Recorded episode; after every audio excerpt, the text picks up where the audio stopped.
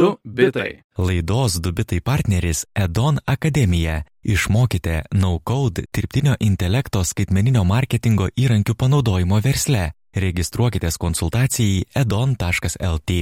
Mokymai gali būti 100 procentų finansuojami ES lėšomis. Sveiki klausytojai, čia laida Dubitai, kurioje kaip ir kiekvieną savaitę apžvelgsime te svarbiausias technologijų naujienas. Prie mikrofonų Lukas Keraitis ir Jonas Lekevičius. Labas Jonai. Labas Lukai. Mes nebuvome studijoje kurį laiką, tai prisimenam dabar, kaip čia kalbėti, kaip čia reikia elgtis, į kurį mikrofoną kalbėti ir panašiai, bet tikriausiai mums pavyks. Turime naujienų, e, pirmosios 24 e, metų naujienos, su kuo mus ir sveikinu. Labai sveikinu. Sulaukus šitų metų 24, kaip ateitis skamba.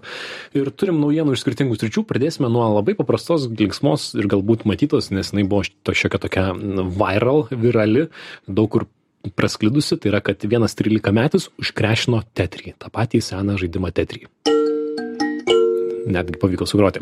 Tai, žodžiu, naujiena tokia, kad 13-metis Vilis Gibsonas, e, jis, kuris yra tetrio mėgėjas, um, įkėlė video, kuriame matosi, kaip jisai žaidžia tą tetrį ir sako, prašau, prašau, užstrik, pasiekė 99999 taškus, kažkiek čia tūkstančių ir vos negauna širdies smūgio, nes sako, apalpsiu silpną, oh my god, toj numirsiu, nes pasiekė savo svajonę, tai yra užkrešino žaidimą Tetri, ką pasirodo iki šiol joks žmogus, e, tik tai botai yra tai padarę, joks žmogus nebuvo įveikęs tiek, tiek lygių, kiek pavyko mažajam Viliui. E, prieš 30 mečius išėjo šitas žaidimas ir prieš du metus buvo galvota, kad tik botai gali pasiekti mhm. tiek daug tų lygių, kad jį galima būtų užkrešinti. Uh, užtruko jam 38 minutės, labai mažai, tarp kitko. Jo, ne? Labai gana, jis, kai pradeda greitėti, tiek patys aukščiausi lygiai, jie darosi kosmiškai greiti, reikia ten naujų technikų, net kaip spaudyti mygtukus. Taip, tas ta nauja technika kažkaip yra, kad vietoj vieno piršto naudoji kelis. Uh, tu, tu spaudi ne tik iš priekio, bet ir iš galo spaudi tą kontrolerį, tam, jog būtų, sakant, iš abiejų pusių smūgis. Taip. Ir tuomet gali greičiau judinti mygtukus tikslas. Taip.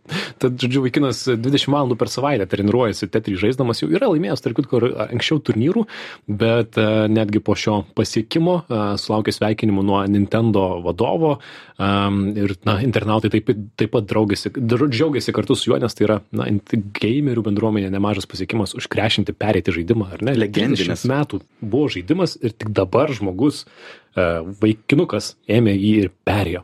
Sėkmingiausias žaidimas istorijoje, pagaliau pereitas. Taip, taip, ir pasirodo, kad ne tik, na, gali žmonės šiek tiek varžyti su botais. Man čia tiesiog primena visas istorijas, kaip, na, pasakoja, kaip greitai vaikai įvaldo kompiuterinius žaidimus. Esu kalbėjęs su dronų pilotais, kurie varžosi pasaulyje su dronais.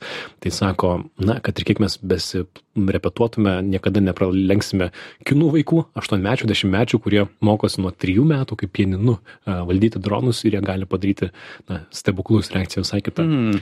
Tai žodžiu, e, toksai pasidžiaugimas, o kita naujiena jau prasidėjusi praeitų metų pabaigoje, bet besitęsanti į šiuos metus, tai yra, kad New York Times į teismą padavė OpenAI. Laikraštis The New York Times padavė OpenAI ir Microsoft į teismą dėl autorių teisų pažydimo. Jisai sako, kad šios dvi bendrovės sukūrė savo dirbtinio intelekto modelius ir čia GPT be abejo, kopijuodamos ir naudodamos milijonus New York Times straipsnių. Ir dabar tiesiogiai konkuruoja su jų kūriniu. Tai pasak New York Times, o čia GPT, beje, ir Copilotas Microsofto gali generuoti rezultatus, kurie pažodžiui atkartoja New York Times turinį ir tiksliai apibendrina ir imituoja jo išaiškos stilių um, nėra netikėtas padavimas į teismą. Jo, ir akivaizdžiausias toks dalykas buvo, kai toje byloje jie parodė e, tiesiog visiškai čia GPT atkurtą straipsnį, kur mhm. skirtumas tarp originalo ir to, ką prašė čia GPT, buvo kokie šeši ar aštuoni žodžiai visame straipsnėje. Tai akivaizdu, jog jisai turi tą atkartojimo problemą. Taip, ir na, ne pirmą kartą jau yra OpenAI padėtami į teismą, mes vis rudenį minėjome panašius atvejus, dažniau gal netgi tai yra dėl vaizdo generavimo, bet štai dabar yra paduodama į teismą dėl teksto. Ir, na, ne bet kas, o New York Times, ar ne, tai jie tikrai turi išgalių ir resursų um, bilinėtis ir šitą įrodyti. Ir um, įtarčiau netgi, kad New York Times žino kažką arba turi įrodymų, kad jų, na, kad galėtų labai kokybiškai rodyti, kad jų straipsniai yra panaudoti. O OpenAI, va jau šiais metais į tai atsakė blogo įrašų, kurį galima būtų apibendrinti taip, kad mes labai faini ir norim visiems labai gero ir atsikabinkit nuo manęs. Tai aš šiek tiek šališkas iš karto prisiduodu šitoje temoje. Man atrodo, kad OpenAI kontrargumentai yra silpni. Mhm. Ne, visi, kas juos perskaita, iš to, ką aš girdėjau, sako, jog, na, čia tikrai silpnokas, silpnokas ribelė, nieko rimto iš jos nebus. Ir kita tokia vieša paslaptis jau yra, nes OpenAI jie nekalba apie tai, kas yra mhm. tas jų treniravimo turinys, visą laiką apeina tą klausimą arba tiesiog jį neatsako. Ir ta vieša paslaptis buvo, jog praktiškai treniravimo turinys yra visas internetas. Viską, ką jie galėjo, taip sakant, suvalgyti, suskreipinti, jie sudėjo į tą vieną treniravimo katilą, į kurį tikrai patenka ir New York Times straipsniai.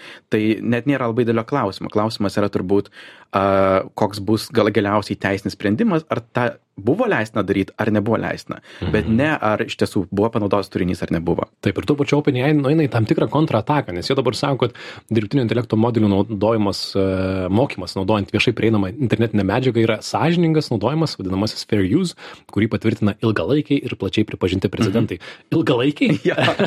Kiek laiko turime AI apmokymą, na, kuris būtų aktuali ja. diskusija, ar ne, 4-5 metus? Jie bando pridėpinėti kitus, kitus analogus ir vėlgi, galima visai kaip galvojat, ar tai iš tiesų yra tiesiog e, autorinio teisų turinio pernaudojimas kita forma, ar tai yra kažkas kaip panašiau kaip žmogus mokosi ir vėlgi, na, žmogaus intelektui neuždrausi skaityti straipsnio, tai yra visiškai suprantama. Ir aš manau, jie bando labiau link tos pusės spausti, jog, na, juk žmonėms tai ok skaityti straipsnius. Taip, galų galėjęs, jų kontrargumentai kiti yra, kad, na, iš vienos pusės mes leidžiame opt-outinti, tai yra atsisakyti būti įtrauktiems. Mhm. Tai yra, na, čia, žodžiu, kai draugai vegetarai buvo pas, pas mučiu močiutė jiems įdeda kiaulės koją į sriubą ir sako, nepatinka, gali išsitraukti. Kažkas tokio, man čia taip skamba. Taip pat jie apeliuoja į kitas šalis ir regionus, kuriuose įstatymas leidžia apmokyti modelius autorinėmis teisėmis apsaugotais mhm. duomenimis. Kas, ką aš tai skaičiau, ką, nes jie nurodo dokumentą ES, kurį aš panarpliojau ir kuriame yra visiškai priešingi argumentai, kad tai yra sudėtinga diskusija, ar tai verta daryti ar ne. Kita šalis yra Japonija, kur yra mhm. labai atvirai pasakiusi, jog mūsų šalyje galima laisvai treniruoti dirbtinio intelekto modelius, naudojant autorinėmis teisėmis saugomą informaciją. Singapūras Moras e, yra tokį patį sprendimą e, priėmęs ir jie vėlgi, turi tą argumentą, jog yra kitų šalių pasaulyje, kurios tą leidžia. Mano toks pamastymas yra bendrai, kur visą tai nuves. Tai viena tai galbūt bus toksai teisinis arbitražas, kur tiesiog, na, okei, okay, galbūt tai reiškia, kad mes negalime treniruoti modelių JAV, galbūt negalim treniruoti ES, bet galim treniruoti Japonijoje. Ir tada hmm. ar to modelio norite, ar galima jį panaudoti šalyse, kur nelegalu treniruoti. Jau tai tampa kitas teisinis klausimas, žymiai giliau į mišką. Įdomu, jeigu taip viskas įsivirtuliuotų, bet to pačiu, na, kiek, kiek mes kalbėjome prieš laidą, kiek dabar yra verti uh, OpenAI, kokia jų yra vertė įmonės? Arti šimto milijardų dolerių. Šimto milijonų, taip, šimto milijardų dolerių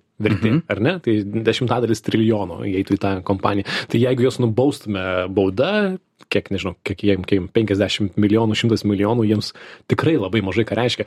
Ir man atrodo, galų gale netgi toksai um, įžeidus jų argumentas, kurie sako, mes paaiškinom New York Times, kad jie yra tik tai vienas šaltinis. Mm. Jų turinys mažai ką bekeičia mūsų didžioje, didelėje um, modelių apmokymo na, duombazėje. Iš tikrųjų, jis na, labai yra smulkus. Na tai, tai be abejo, kad smulkus, tai iš smulkių ir susidaro, iš, iš medžių ir susidaro miškas, ar ne? Taip. taip.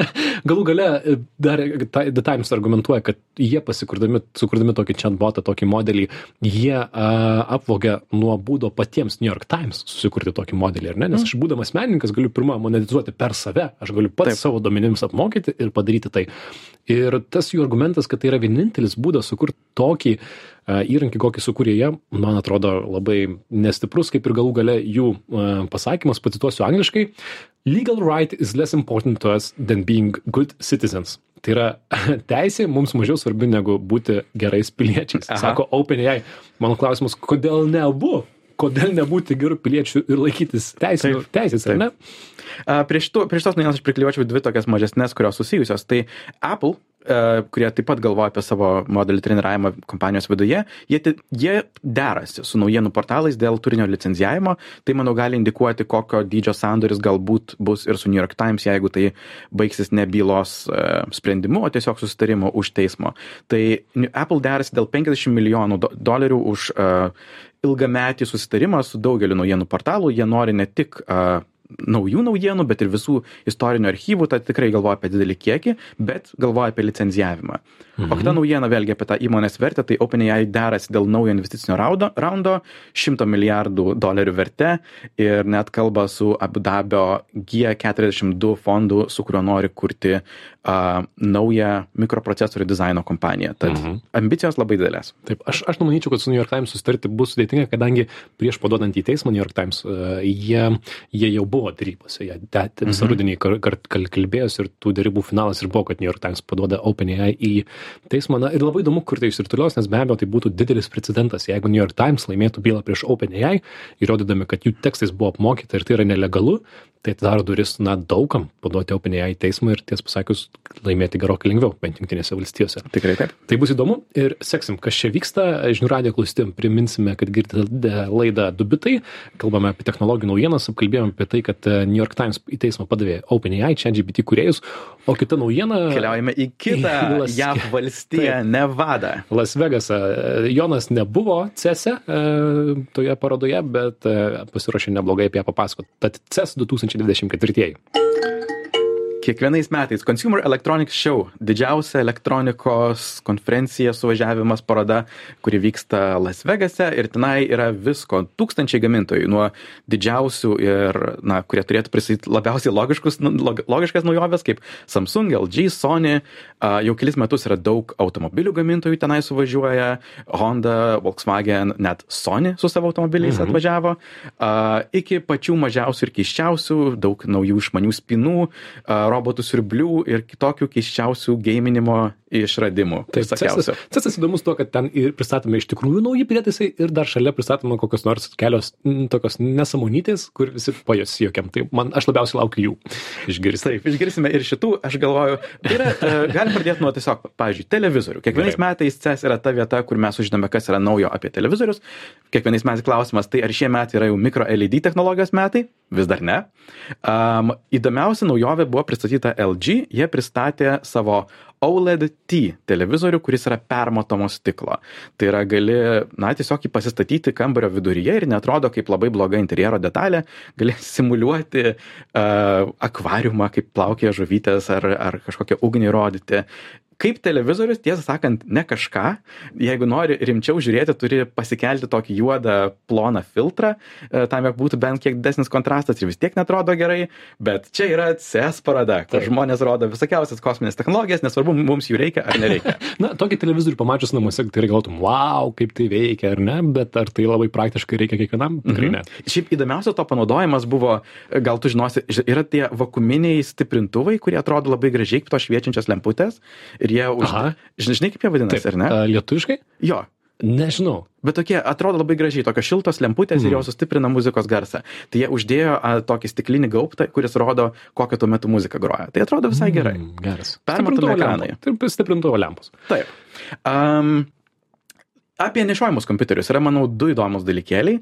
Tai dėl e, pristatė naujus XPS modelius, kurie savaime nėra labai įdomus, ten, tiesą sakant, net labai keisti, jie panaikino tą viršutinę eilutę su escape mygtuku, tai tapo lietimų jautrų mygtuku, manau, labai blogas sprendimas, bet įdomiausias dalykas yra, jie pakeitė dešinį control mygtuką su nauju, pirmą kartą per 30 metų atsirandančių mygtukų Windows operacinėje sistemoje, tai yra Copilot mygtukas, kuris iškviečia Microsoft dirbtinio intelekto asistentą ir, na, jis tiesiog atidaro tą šoninę juostą ir gali klausti Copiloto kažkokį klausimą. Mhm. Jis vietoj, vietoje Windows mygtuko ar šalia Windows mygtuko? Jis pakeičia Control mygtuką dešinėje. Mm.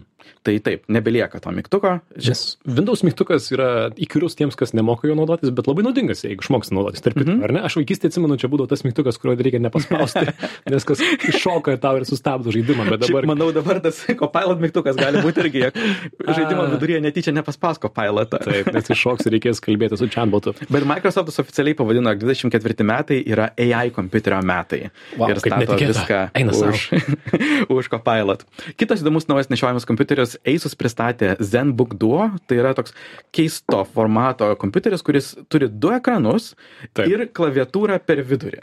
Klaviatūra yra išimamas komponentas, ir, o nešiojamas kompiuteris yra kaip toks sumuštinis, kuris suvalgo tą klaviatūrą ir jeigu nori, gali išsilankstyti, turėti du ekranus ir klaviatūrą šalia. Taip, Visai įdomu. Žiūrovams, kad įsivaizduotumėt, atsiverčiate kompiuterį, na, laptopą ir virš normalaus ekrano yra dar vienas ekranas, na bent taip nuotraukoje, ar ne, atrodo. Mhm. Gal ir Praktiška, aš nežinau. Tiem, kas bandė, sakė, jog, wow, čia gali būti visai kompiuterio ateitis, man pačiam skamba įdomi, reikėtų, kad nors pabandyti pasižaisti. Mhm. Kita sekcytė - standartai, nauji ir seni, puikus būdas prisiminti, kas naujo vyksta ir kas vėlgi gyva ir kuriasi. Tai Matter išmanių namų standartas tikrai labai gyvas CS konferencijoje. Man, mane asmeniškai labiausiai džiugina tokia technologinė inovacija, jog Samsung TV pradės veikti kaip tokie Matter namų centrai, kurie galės valdyti visus išmanius prietaisus.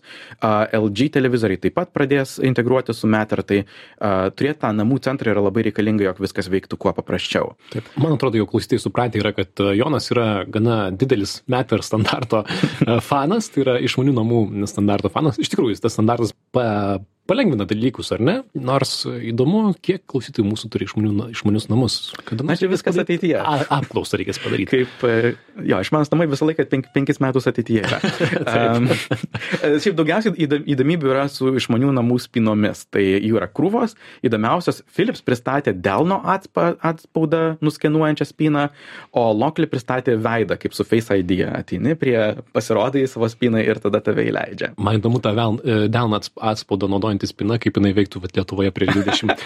Um, mano gimtinėje buvo 26, vieną sekmadienį minus, tai reikėtų tikriausiai kaitinti rankas, nes negali eiti namo. Fantastika. Aš žinau, kaip su žiaptuvėliu, žinai, spinas metalinės mes skaitinam, tai dabar tą, kur reikia delną atidėti, su žiaptuvėliu sugadinti viską. Na, nu, kitas, aš, aš skeptiškas, žodžiu.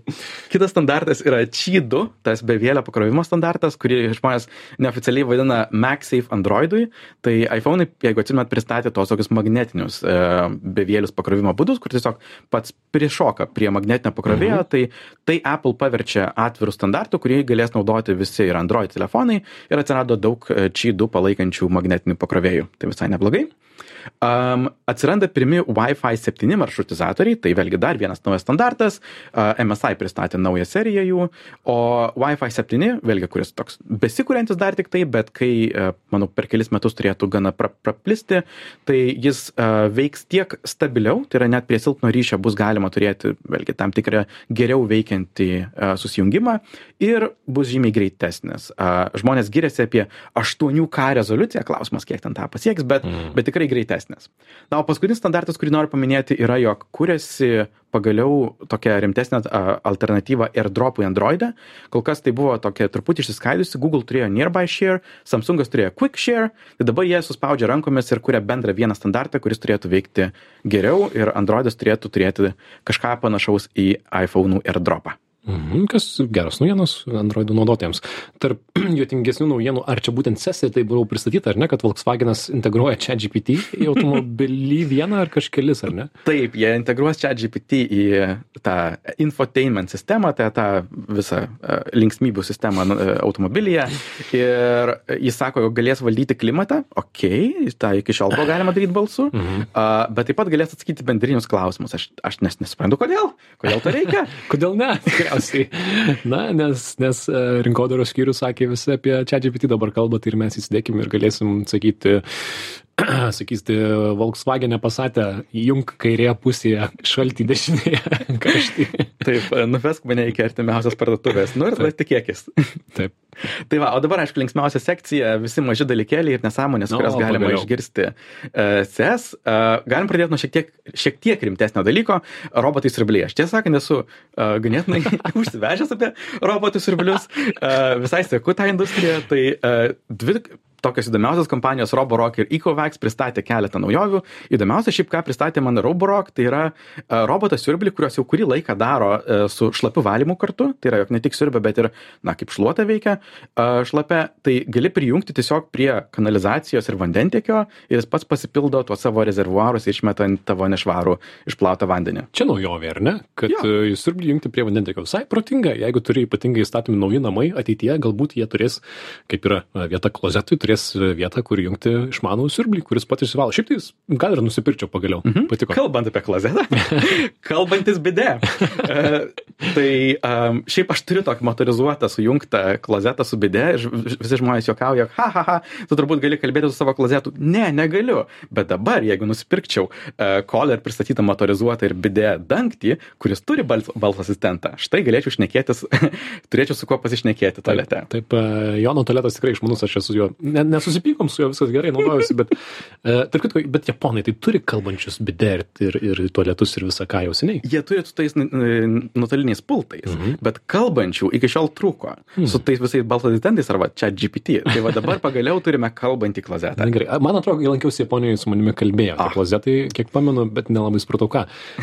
gerai, kas dar? Um, Razer, uh, tokia žaidėjų kompanija, kuri kiekvienais pristat, metais pristato kokią nors nesąmonę, uh, šiemet pristatė Project Esther, tai yra nugarą ir užpakalį galinti spardyti kėdės pagalvėlę. Taip pasidedi už savęs ir jeigu tave žaidime pašauna, tai pajauti iš visų šonų. Čia puikiai idėja, viena geriausių, kurią išgirdau šiandien, man atrodo.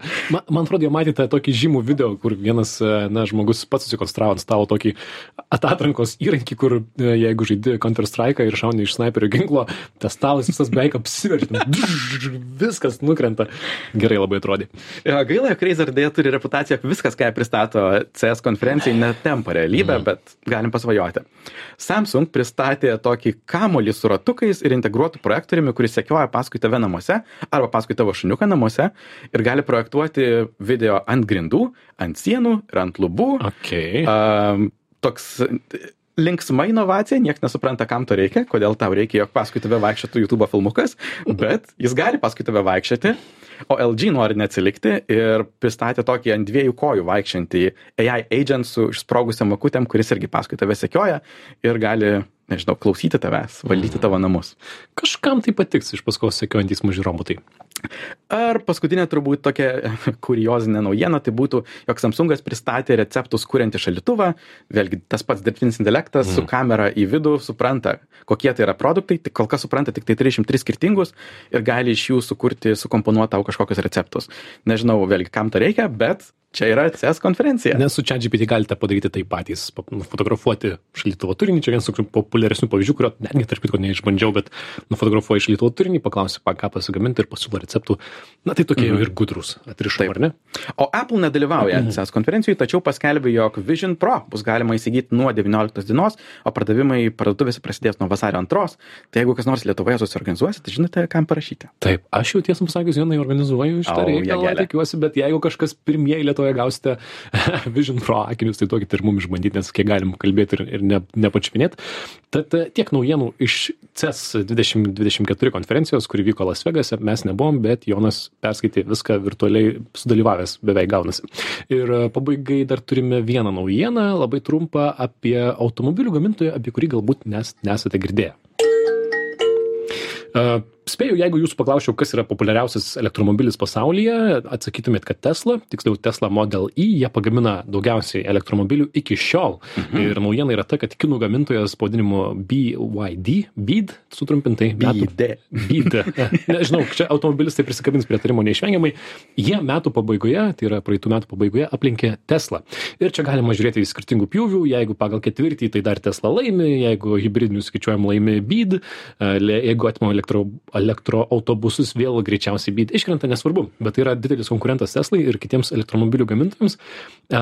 Byd šifruojasi kaip Build Your Dreams ir pradžioje prieš 20-30 metų jie gamino baterijas ir tūkstantmečių sandorėje pradėjo gaminti ir automobilius bei elektromobilius. Stipriai į tai investavo Varinas Buffetas ir penktadalis rinkos šiuo metu jų yra Kinijoje, bet jie parduoda visur, nuo Malazijos iki pietų ir taip pat Europos europoje siūlo penkis modelius lietuvoje man atrodo jie tikrai tikrai labai reti. E, galbūt ir teko matyti bet manau kad jų čia keli vienetai. Na jie dabar jau žada statyti gamyklą vengrijoje. Praėjusiais metais turėjo problemų na vis dar tęsiasi tos problemos byt su europos sąjunga kadangi jie pradėjo tyrimą dėl kinijos subsidijų elektromobilių gamintojams e, kaltina europos sąjungą kad kinija tokiu būdu labai numuša kainą ir neleidžia europietiškiems konkuruoti. Kas yra tiesa kinija nuo du tūkstančiai dešimtų metų skyrė trisdešim milijardų dolerių nuolaidų mokesčiams ir subsidijomis savo elektromobilių gamintojams, jie tikrai kelia šitą sektorių. Jo, tiesiog labai labai subsidijuoja ir todėl darosi labai sunku konkuruoti kitiems. Taip, bet nepaisant to, mm, BIT tikrai turi pranašumų, vienas jų yra vadinamas vertikalus integravimas, jie labai daug detalių elektromobilių gaminasi patys, pavyzdžiui, Volkswagenas ID3 35 procentus patys gaminasi detalių, dalis detalių, bet beje gaminama prie Kauno, įdomus faktas. Tesla Model 3 gamina 68 procentus savo detalių automobilio, o Bead Seal, pavyzdžiui, 75. Dėl to jie yra gerokai pigesni. Jeigu vidutinė Tesla yra 45 tūkstančiai dolerių, tai Bead gali būti per bus pigesni ir tiesą pasakius komentarai, atsiliepimai yra, kad tikrai ten nuo Malazijos iki Peru, iki kitų šalių tie automobiliai labai labai populiarėja visame pasaulyje. Mhm. Tai kiniški elektromobiliai a, bus matyti jų ir Lietuvos gatvėse. Galėsime pamatyti vis daugiau. O aš jau greitą kalbę kalbu, nes mums laikas baigėsi. Noriu padėkoti, kad klausotės laidos Dubitai. Kaip visuomet, dubitai.com visi mūsų šaltiniai, o mūsų klausykitės, kur jums patogu per Spotify ir kitas tinklalaidžių programėlės. žiniųradijas.lt yra visos, visi laidai, visos laidos, visi archyvai. Lukas Keraitis, Jonas Lekevičius. Sakome, iki kitos savaitės Dubitai sugrįž po savaitėlės. Iki. Iki.